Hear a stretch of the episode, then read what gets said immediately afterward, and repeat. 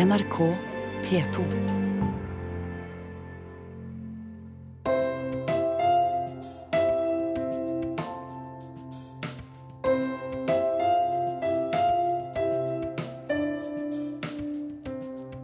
Velkommen til radiodokumentaren. Jeg heter Kari Hestemar.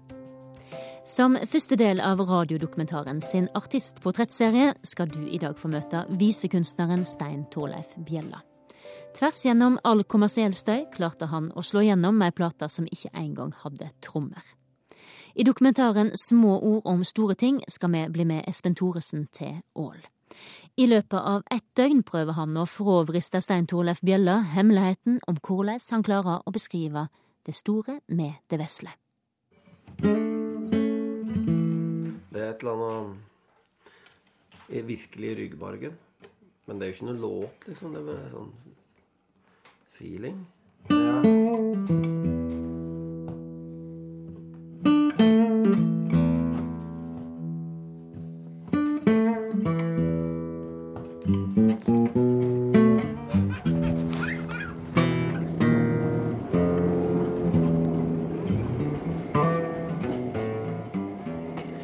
Vi møttes på perrongen i Ål.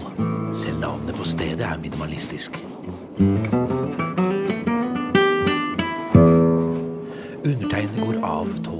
Hovedstaden, og bare sekunder senere ankommer Stein Torleif Bjella fra Bergen. Det var timinga, sier du? Det var det. Nei, jeg kom for ett minutt siden. Ja, perfekt.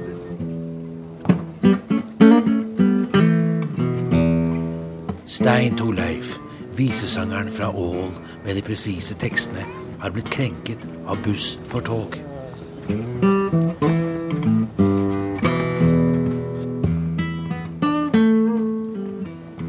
Er fint med, med tog, men i dag så var det jo da buss for tog. Og mm, det var helt overfylt, den, eh, den bussen. Jeg er her for å få han til å snakke.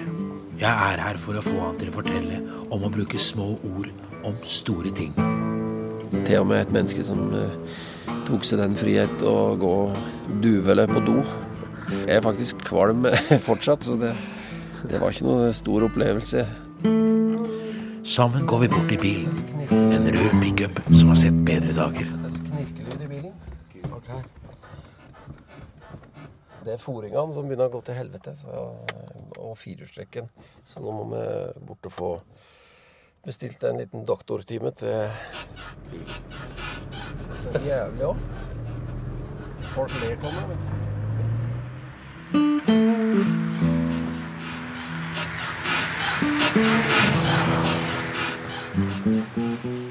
Rundt en sving og ned en bakke.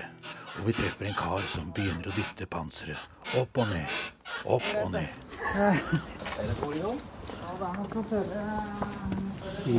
Fra en Erik, ser du. Om en hadde noe brukt hjemme. Det har han. Men han har ikke klart å finne det ennå. Det høres dyrt ut, den lyden der. høres Nei, jeg tror er nødvendigvis ikke. Det kan være Den, eh, den døra, døra di, den eh, har egentlig en litt annen farge, fordi jeg, kjørte inn i et autovern med den høyre sida der, så der har jeg sett i et, i ny brukt dør, og den har ei annen farge enn enn bilen. Men nå når bilen er litt møkkete, så, så ser det ut som alt har samme farge. Ja, det er fordeler. Ja. Hvordan klarte du å treffe et autovern? De fleste vet jo hvordan man skal unngå det. Ja, du, jeg hadde var borte på minibanken og var vært inne i minibanken og, og eh, prøvd å tatt ut noe penger. Og så skulle jeg ja, kaste dem inn i bilen og, og bare gasse i vei. Og så jeg var litt sånn uoppmerksom og bare vrengte inn i en sånn autovernkant som jeg liksom ikke hadde sett eh, ordentlig. Så, men det var bare dørblader. da, Så bare Det Jeg leste at du har kjørt bil siden du var 13. Ja, det tror jeg er riktig. Hva var det er i den bilen da? Nei, men jeg, far min var en veldig kul fyr, for å si det sånn. Men eh, vi hadde våre egne kjøreregler. Aha. Så eh, jeg var heldig sånn sett. Men hvor er det du kjørte hen da, Stein Torheim? Nei, vi kjørte litt rundt eh, Jeg fikk kjøre tidlig, da, på en måte. Han syntes det var ålreit at jeg kjørte bil. Og så Jeg husker når han eh, skulle verve medlemmer til Ål idrettslag, da Da eh, gikk han fra hus til hus, og så kjørte jeg, da. Fra, fra, så han slapp å liksom gå så veldig langt. Men eh, så skulle jeg opp og snu bilen. da. Det var en ganske ny eh, Datsun. Eh, litt sånn stilig automat. Sekser, ser jeg med. Sek, sånn sekssylindra, stilig bil. Og den den, Så skal jeg opp ved gartneriet og så ta en skikkelig sånn, sånn eh, 180 graders sledd, liksom. Og så var jeg jeg var jo bare ja, 14 kanskje. 13-14 år gammel. Så brasa jeg rett inn i gartneriet, gitt. Så, Han har glass, altså. ja, etter at jeg tok muren, da. Så, så det ble Så når far min kom tilbake, da, så da hadde jeg sett meg i, i passasjersetet plutselig. Og så sette han seg og begynte å kjøre, da. Ja, for de var redde for at myndighetene skulle blande seg inn, da? eller? Ja, nei, men Det var på høyre framside tok uh, og krasja. Altså, han så det ikke når han settes inn. Men så Etter ei stund så spurte han er det, er det noe gale. Og så sa jeg ja, jeg, jeg krasja bilen. Så, så stoppa han, da, så gikk han ut og så på høyre framskjerm. Og den var jo helt smadra, egentlig. Dette, dette må vi ikke si noe om hjemme, sa han. Og så var det over, egentlig.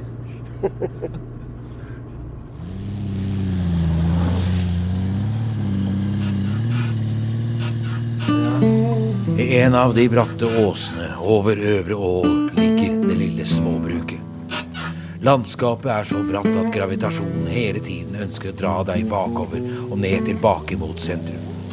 Pickupen med den ødelagte døren og den knirkende forstillingen kjemper seg oppover, mens den blyblå himmelen spruter sine solstråler på den vesle grusveien.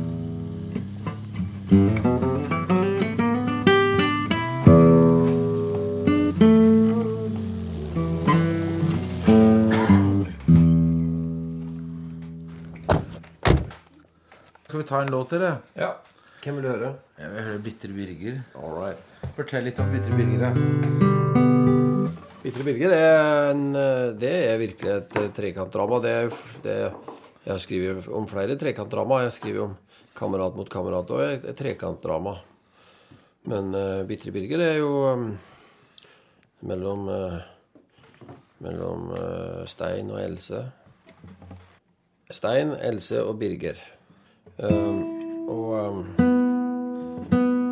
det er jo uh, Ja, er dette her noe som er litt selvbiografisk, i og med at han heter Stein? Nei, det er faktisk ikke det, men ja, jeg kjente litt på litt sånn sjalusi en gang, husker jeg. Og, og da tror jeg sausa sammen den, eh, den der, ja.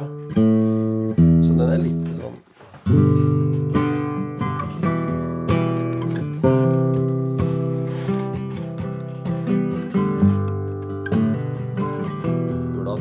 hatt solo her, da, men Når kvelden kom tok Else Steins i hånd. Men ingen hadde sagt at i et tre satt en Birger vakt. Han så det som skulle skje. I angst så datt han ned og tenkte hun burde halde seg til. Det gjør så vondt når jeg treffer en stein.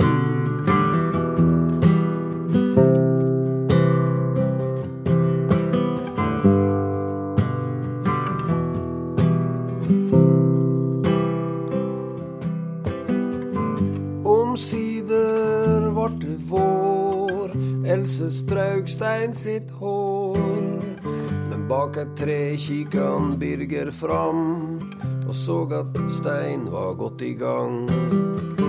I angst sprang en Birger vekk og tryna i en turbekk og tenkte hun burde holde seg til ein. Det gjør så vondt når det treffer en stein.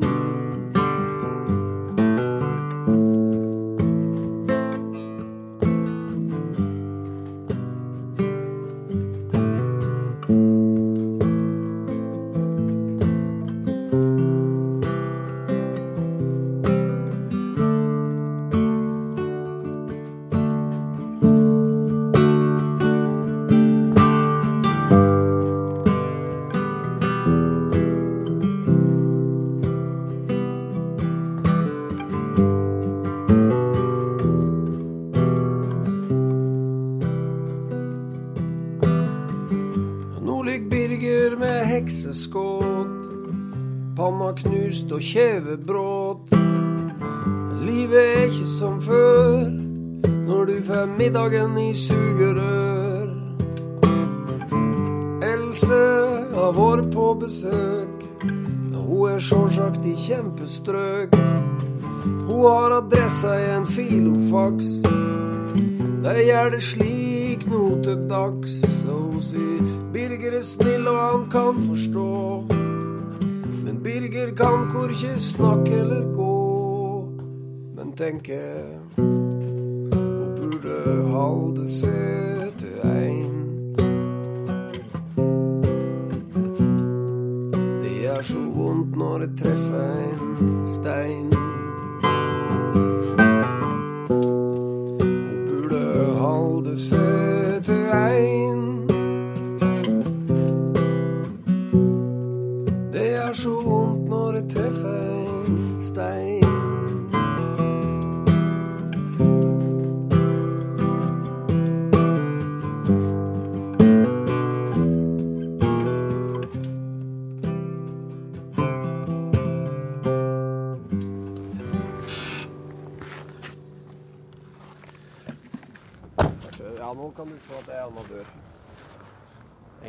Helt. Var det rart for kona di å flytte hit, eller? For kona di flytta jo fra As Asker og hit. Ja. Syns hun det blei eh, stor overgang i begynnelsen? Jeg veit nesten ikke. Hun syns det Jeg tror jo Hun er jo en, en dyrlege, så hun, eh, hun driver jo med et arbeid som eh, må liksom bo i eh, litt eh, distriktsnært for å ta seg til produksjonsdyr, i hvert fall. Å ja, hun hadde sikta seg ut rurale strøk allerede, hun. Kanskje. Jeg veit jo ikke helt det, da. Men ja, nå fikk jeg en litt sånn dårlig følelse, egentlig, når du sa det. At det kanskje er bare en sånn brikke i et større spill.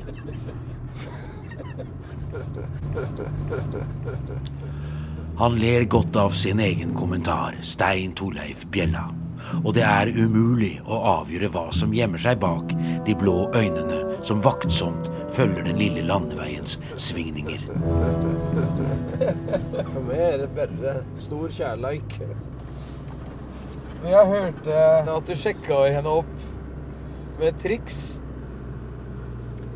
Vet du hva jeg mener? En brekksladd. Ja, ja, ja, stemmer det.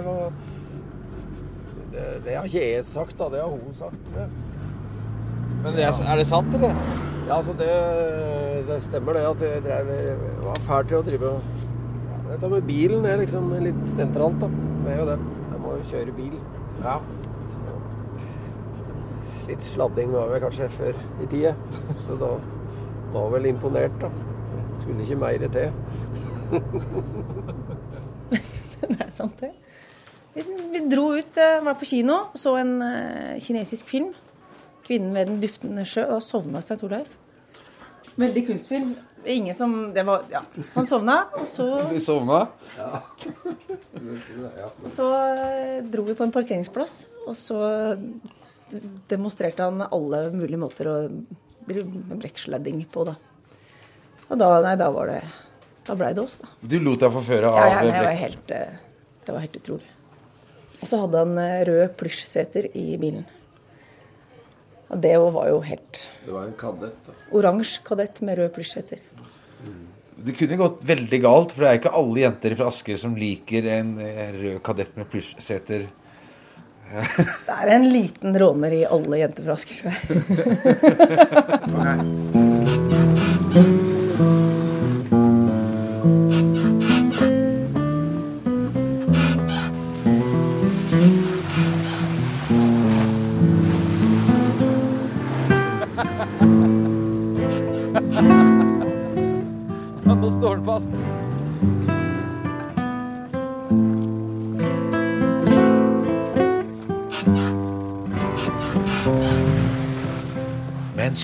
skogens rester spyttes ut fra bakhjulene.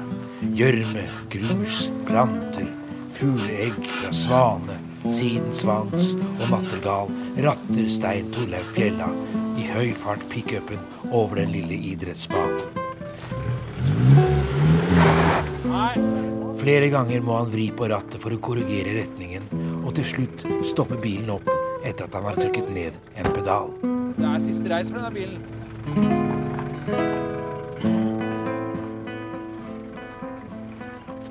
Han eh, voiceoveren din, han eh, smører på litt.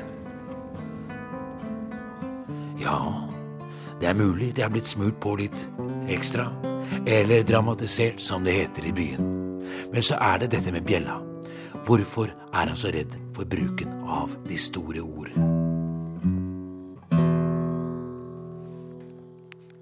Nei, det er jo Det der syns jeg er litt komplisert, fordi at eh, en blir jo først Ja, sånn som nå, så tenker du at det er en smålåten, forsiktig mann. Og med en gang jeg tenker at det er en smålåten, forsiktig mann, så vil jeg gjøre mitt ytterste for å framstå som det motsatte av en smålåten, forsiktig mann. Da vil jeg gjerne være en, en frekk frampå initiativlik Brautnisse, sjølsagt. Altså har han først fått uh, en slags uh, klassifikasjon, så vil han helst vekk ifra den. Um, ja. Sånn smiletegn når du sender tekstmeldinger, åssen er bruker du det? Nei, jeg har ikke gjort det. Ferdig ikke, jeg har ikke helt, vet ikke helt hvor jeg skal trykke hen. Er det derfor? Nei, jeg er liksom ikke vane med det i det hele tatt. Men eh, jeg har jo Jeg har jo tatt i bruk eh, utropstegn. Og ja og Ganske ofte seinere tid, faktisk. Det siste halvåret har jeg begynt å komme litt på glid der. Med utropstegn? Ja, det er jo sterk kost. Jeg vil jo kanskje si at det er, er drøyere enn smilefjeset.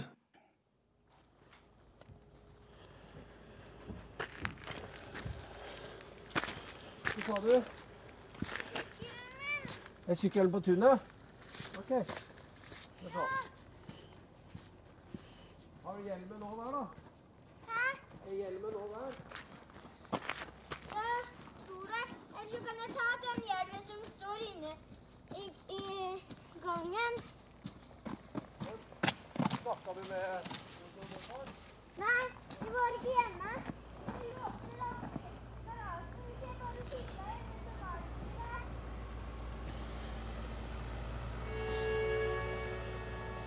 Som ut av ingenting kommer den dundrende oppover veien.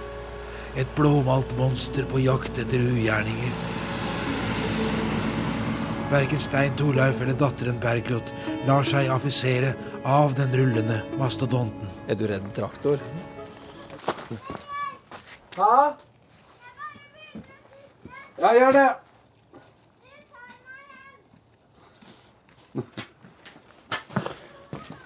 Hvor er det? Det er Bergljot som synger. Datteren din? Ja. Hun har laget sangen din? Jeg er år sju her, da. Jeg var lei av det du sa. Jeg får spille telefon for det du var. Ingen tekst. Nei. Jeg var lei av det du sa. Uansett hva du var. Jeg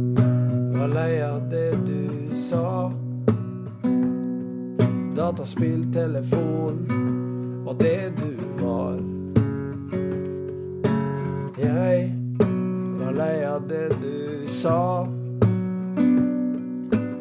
Uansett hva du var.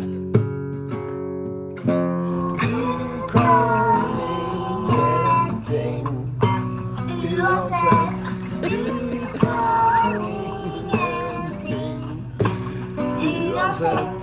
Uansett, uansett, hva du var. Det er neste, Ja, neste vers, da. Liker ikke jeg, skjønner du. Ja, men kan altså, men Så ikke- kom Nei, ja, hun blir sinna. hun blir skikkelig sinna.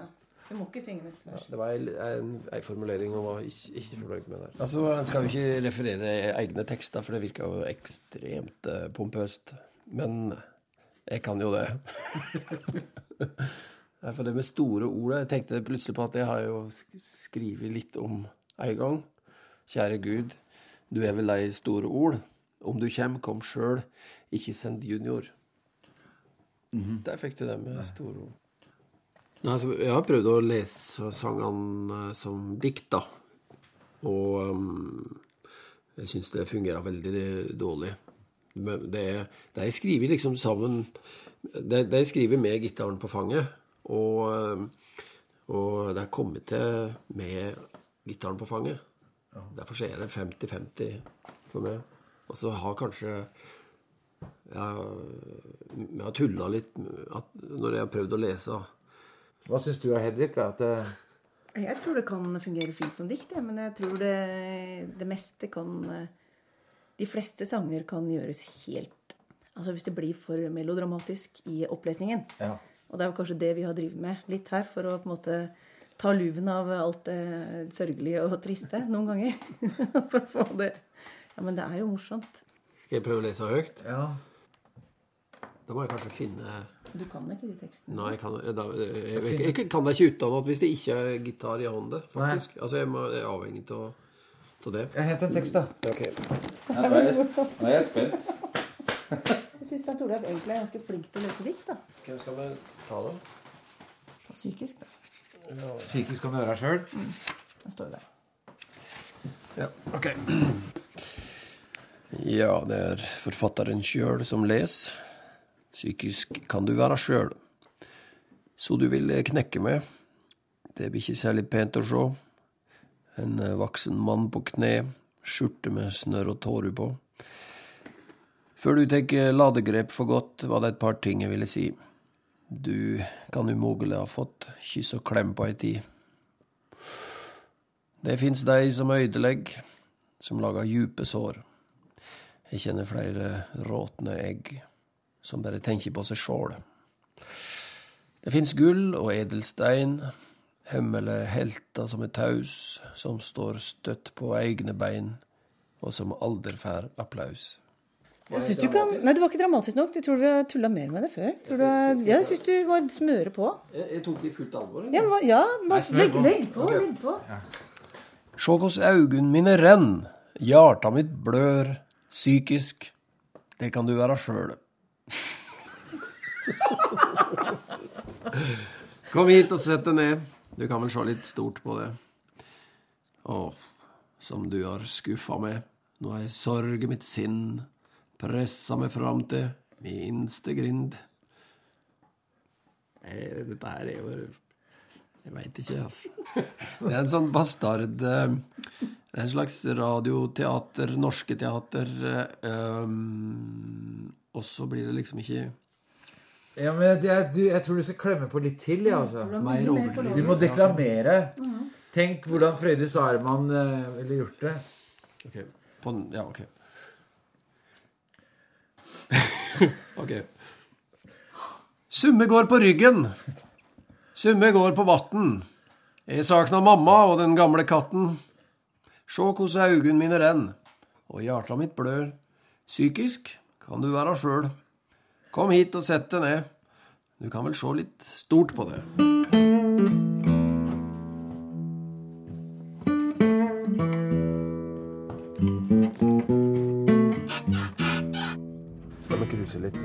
Hvor skal vi krysse, da? Nei, men vi Vi tar kjører oppover Nordbygda, da. Det er fint. Eller er det ikke det? Ja, jo, jo, jo. Jo, da gjør vi det. Jeg skal bare, det var mye trafikk. i- Det der såkalte bygdedyrebjella, Ja, har du merka det noen, noen gang?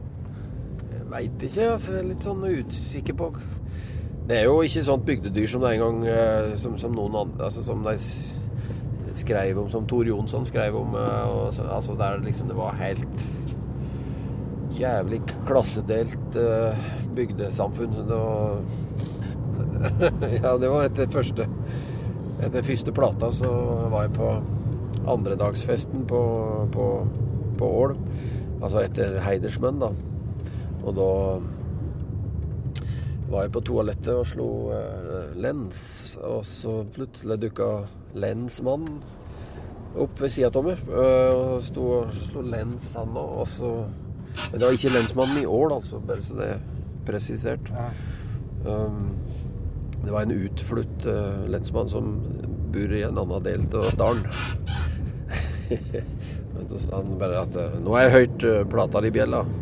Han var ikke så bra. Jo Men hvilken lov er det? Eller er det bygdedyr, eller er det jantelov? Nei, jeg vet ikke. Jeg syns det bare var Det var ikke så bra. Det var greit sagt, det. Kanskje vi skal svinge oppom til en Bjørn Kvinnegard. Kvinne... Kvinnegard.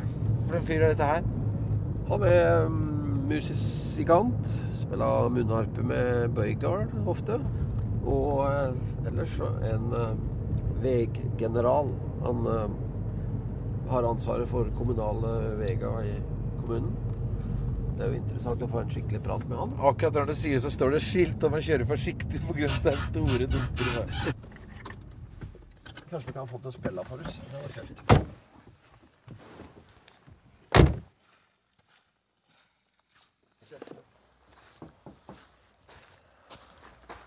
Hei. Jeg kommer bare kjørende fordi jeg hadde lyst til å vise han karen Hei. der, Hei. Hei, Espen Thoresen. Hei. Bjørn, Hei, Bjørn. god dag.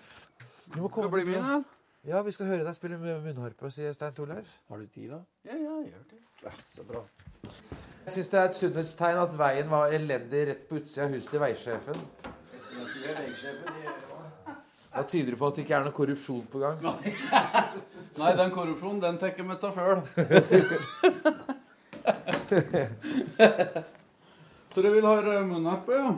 Ja, det hadde vært veldig fint hvis du tar en tran. Ta en som du har lyst til. Ja, Ta en som jeg kan. Ja, ta en du har lyst til.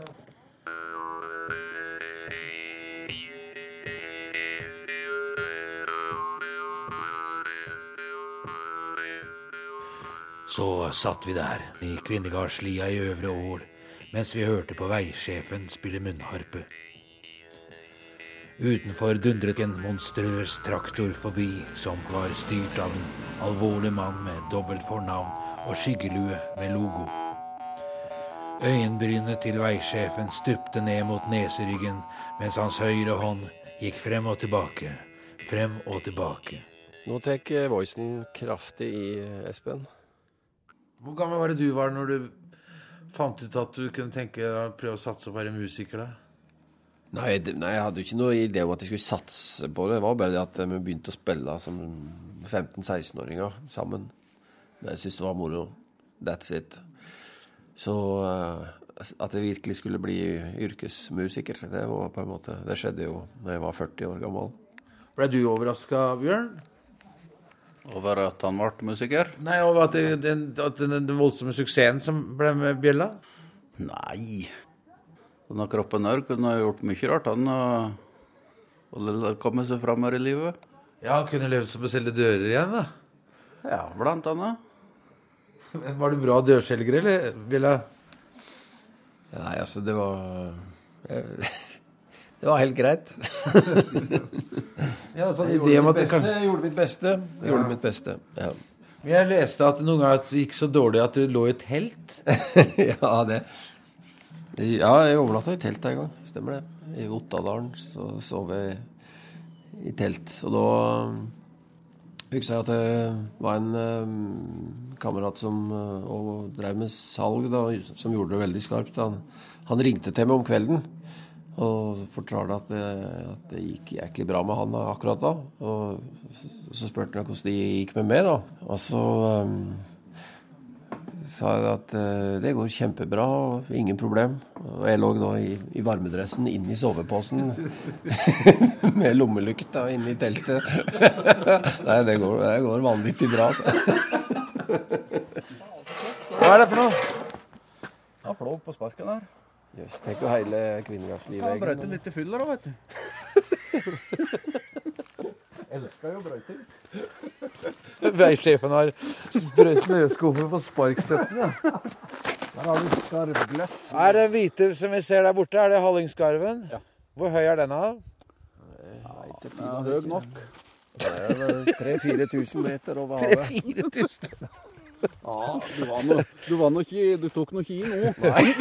4-2. Ja, Ja, ok. det- det- det- Altså, Gudbrandsdølen, de tar voldsomt, vet du. De kaller det for Dalnesdal og så videre. Ja. Men det nå skarvet er vel 4212, tror jeg. Mye veierne? Han Ja, er, men, han er tung ennå. Dette hører jeg prat om her en dag, men eh, han er tung nok. Ja. Nei, det fins ikke tyngre fjell enn dette. Nei, det, det er det tyngste hallingskarvet som finnes. Ja. Vi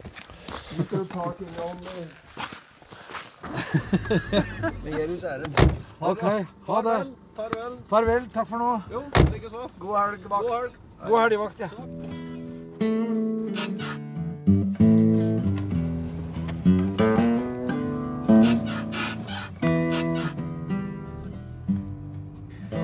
Vi forlater veisjefen og kjører videre i vår hvileløse cruising rundt i Øvre Ål. Stein Torleif er taus.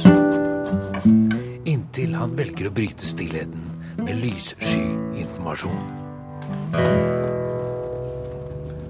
På den gården på høyre side her, så eh, hadde jeg som sommersjobb å rydde driftsbygningen. Altså låven? Ja, og det var, var fullt med skrot og materiale. Liksom. Kjørte 20 lass med traktorlass til, til renovasjonsanlegget med skrot. Og så kom det inn noen nye leietagere. Og eh, to måneder etterpå så rulla politiet opp en eh, gigantisk eh, spritfabrikk i den låven som jeg hadde rydda. med masse sånne rørsystem over tunet her. Og det var svære tanker vet du, med sats. Og det, var, det var noen som bare hadde fått leid det og sett i gang eh, ulovlig business. Jeg syns jeg leste at du hadde lagt opp noen greier. En, radiator eller noe sånt på statsministerens kontor. Som s- Å ja, nei, det, jobba jo som snekker eh, et års tid på eh, Jo Martinsens efterfølger. Og det var en veldig fin snekkerbedrift. Og da mm, vi hadde Da var jeg på statsministerens kontor to ganger og bytta radiatordeksel. Det var bare treverket. ja. ja. Ja. Det var jo under eh, både Jagland og Bondevik, faktisk. Måtte jeg reparere det dekselet. Det var litt sånn lealaust eh, i, festet, så det var faktisk Jeg, jeg har jo sett mange innslag, Dagsrevy-innslag fra statsministerens kontor. da, Til og med Obama har stått foran det dekselet. Med liksom kneet inntil dekselet. da. Så det, ja, nei, det er litt sterkt. Hva tenker du det er sånn magic hand, at du har en liten sånn tilstedeværelse i de aller fleste nivåer, da? Ja, noen kunne tro det etter den jobben der, da. Jeg syns det.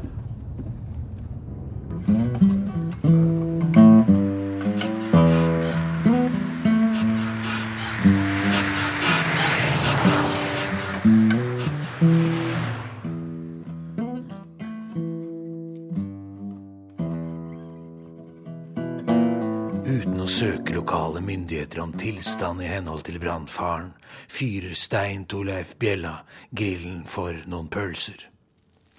Mens de rødglødende kreftene spiser seg inn mot den gylne grisehuden som er stappet med noe vi ikke ønsker å vite.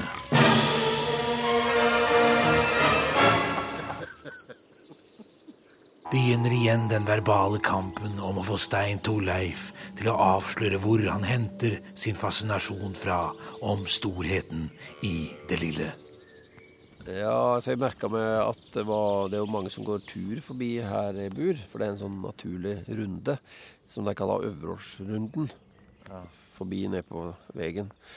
Og det var bare Det er bare damer som går tur, merka jeg meg. Så da begynte jeg liksom å tenke at aha, da er det Da, er det, da, der sitter inne, de. mannfolka, da. Så det var da inne, begrepet innegubbe kom, da. Eh, så har jeg mer eller mindre bevisst kanskje dikta om innegubba etterpå. Det veit jeg ikke. Han byr på seg selv, Stein Torleif Bjella, men samtidig holder han noe tilbake. Det etiske dilemmaet ligger i hvor langt han lar seg presse fra en reporter han selv har vært med på å lønne via en årlig avgift.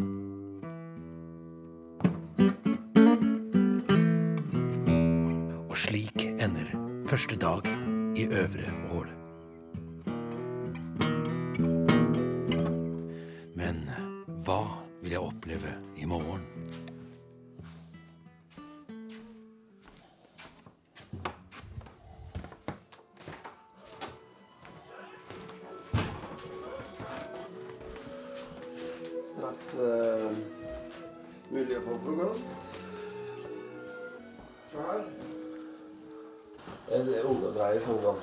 Ungdomsleksikon til deg, Espen. Hva har du lyst til å høre om eh, Brochmann, han som har laga boka. Han eh, Georg Brochmann, vet du. Her er forelskelsen. Jeg får ta den. Forelskelsen er en sunn og naturlig opplevelse i alle unge menneskers liv. Forelskelse arter seg voldsomt som en febersykdom. En føler seg avvekslende overlykkelig og elendig. Han slutter med det? Nei, det er meg. Som alle følelser pendler forelskelse i regelen mellom to yttergrenser. Den forelskede føler det nesten bestandig slik at forelskelsen er en følelse som kommer til å vare livet ut, selv om en har opplevd forelskelse mange ganger før og har erfaring for at den kan gå like fort som den kommer, tror en at hver gang at nå prikk, prikk, prikk. Sikkert er det at forelskelsen aldri varer. Han, han, ikke, Han snakker av egen ja, han, han, har opplevd, han har opplevd ting, han Brochmann. Selv når den går over til den store kjærligheten, skriver han i hermetegn. Han, han tror ikke på den heller? Nei, det ser ikke slik ut. Og kanskje føre til forlovelse og ekteskap. Det ligger i forelskelsens vesen at den brenner og blusser som et bål eller en deilig blomst. Det hender at etter ilden kommer varig varme, og etter blomsten frukt, men oftest etterlater forelskelsen bare et vakkert eller vemodig minne. Men så, endelig, Hedvig er jo den eh, ja vakreste vesen jeg veit om, og på alle måter. Hun er, og hun er den skjønneste kjæresten du kan tenke deg, og min beste venn. Jeg, det er som om de store ordene sitter fast i munnen hans. du, den eh, voicen din, den uh, bruker store ord. Beklager, men hvor ofte er det du sier at du elsker henne? Jeg sier jeg prøver å si det Eller prøver ikke på det engang. Jeg sier det ganske ofte. Du bare glipper ut av det, eller tenker du at nå er det på tide å si det? Nei, det, det sier jeg bare intuitivt. Til henne kan jeg si det. Men Stein Torleif, hvilke store ord var det du brukte når du fridde? Ja, det, jeg måtte fri um, flere ganger, da. Fordi um, um, Jeg tror jeg fridde tre ganger, for hun glemte det på en måte mellom hver gang. en gang så la jeg et postkort under juletreet. 'Vil du gifte deg med meg?' skrev jeg.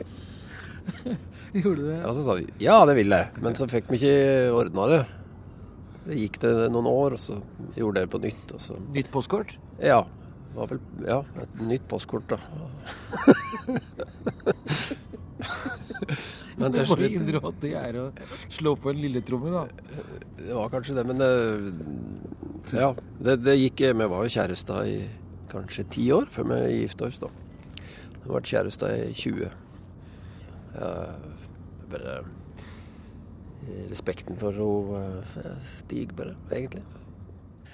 Sier Stein Torleif Bjella, som når alt kommer til alt, turte å fortelle om en nydelig kjærlighetserklæring til sin kone. Det var, eh, det var små ord, det. Om store ting.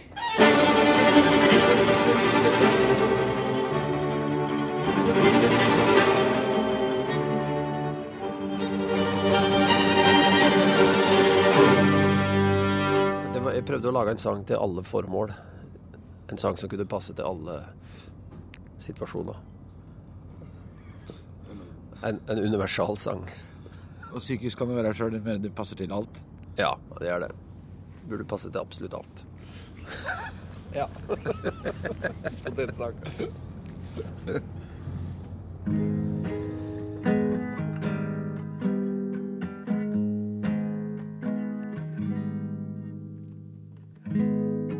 Så du vil knekke med Det særlig pent å sjå. En voksen mann på kne Skjorte med snørr og tåru på Før du til glade grep for godt Var det et par ting jeg ville si. Du kan umulig ha fått kyss og klem på ei tid.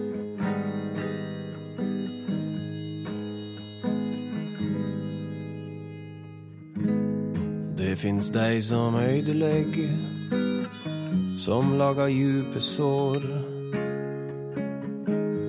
Kjenner flere råtne egg, som bare tenker på seg sjål.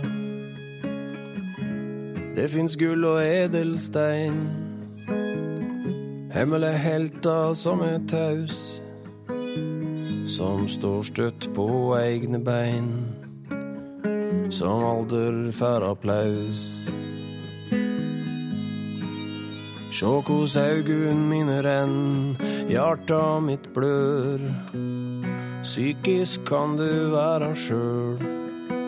Kom hit og sett deg ned. Du kan vel sjå litt stort på det.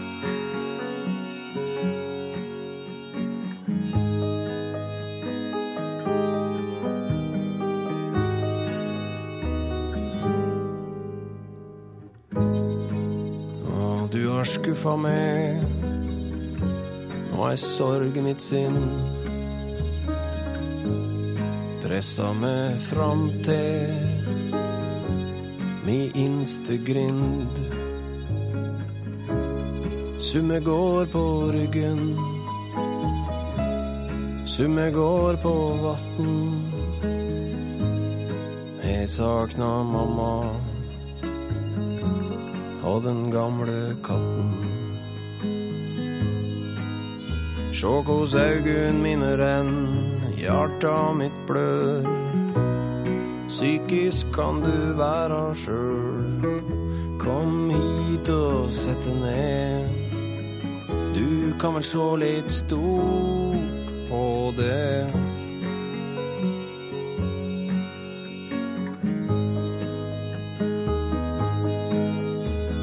Kos augun mine renn, hjarta mitt blør. Psykisk kan du være sjøl. Kom hit og sett deg ned. Du kan vel sjå litt stort på det.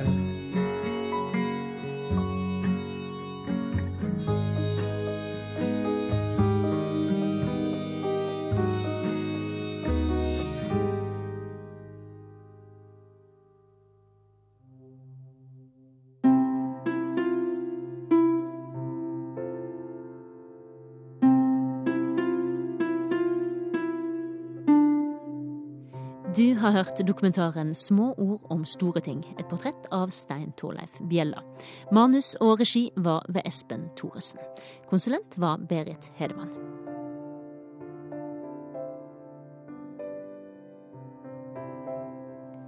Og denne serien fortsetter neste lørdag.